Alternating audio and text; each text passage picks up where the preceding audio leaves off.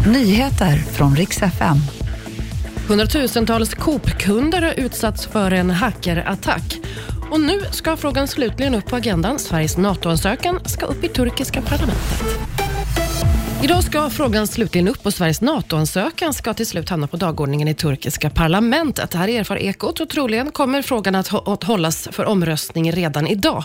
Röstar man sen ja, då saknas sen bara en underskrift av Erdogan för att vårt medlemskap ska vara ratificerat. Den här frågan kommer vi såklart att fortsätta följa under dagen. Hundratusentals Coop-kunder har fått sina personuppgifter läckta och utlagda på Darknet. Idag har Coop haft en pressträff och bekräftat att de utsatts för en hackerattack.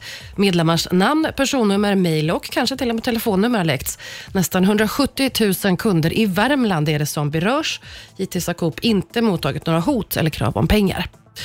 Det blev ingen Emmy heller för Alexander Skarsgård. Han var så nominerad även på den här galan för bästa biroll i Succession. Men det blev samma som på Golden Globe förra veckan, inget pris. En av galans stora vinnare blev däremot Sir Elton John. Han kan numera titulera sig som EGOT, det vill säga de som vunnit både Emmy, Grammy, Oscar och Tony. Och Det var nyheterna. Jag heter Maria Granström.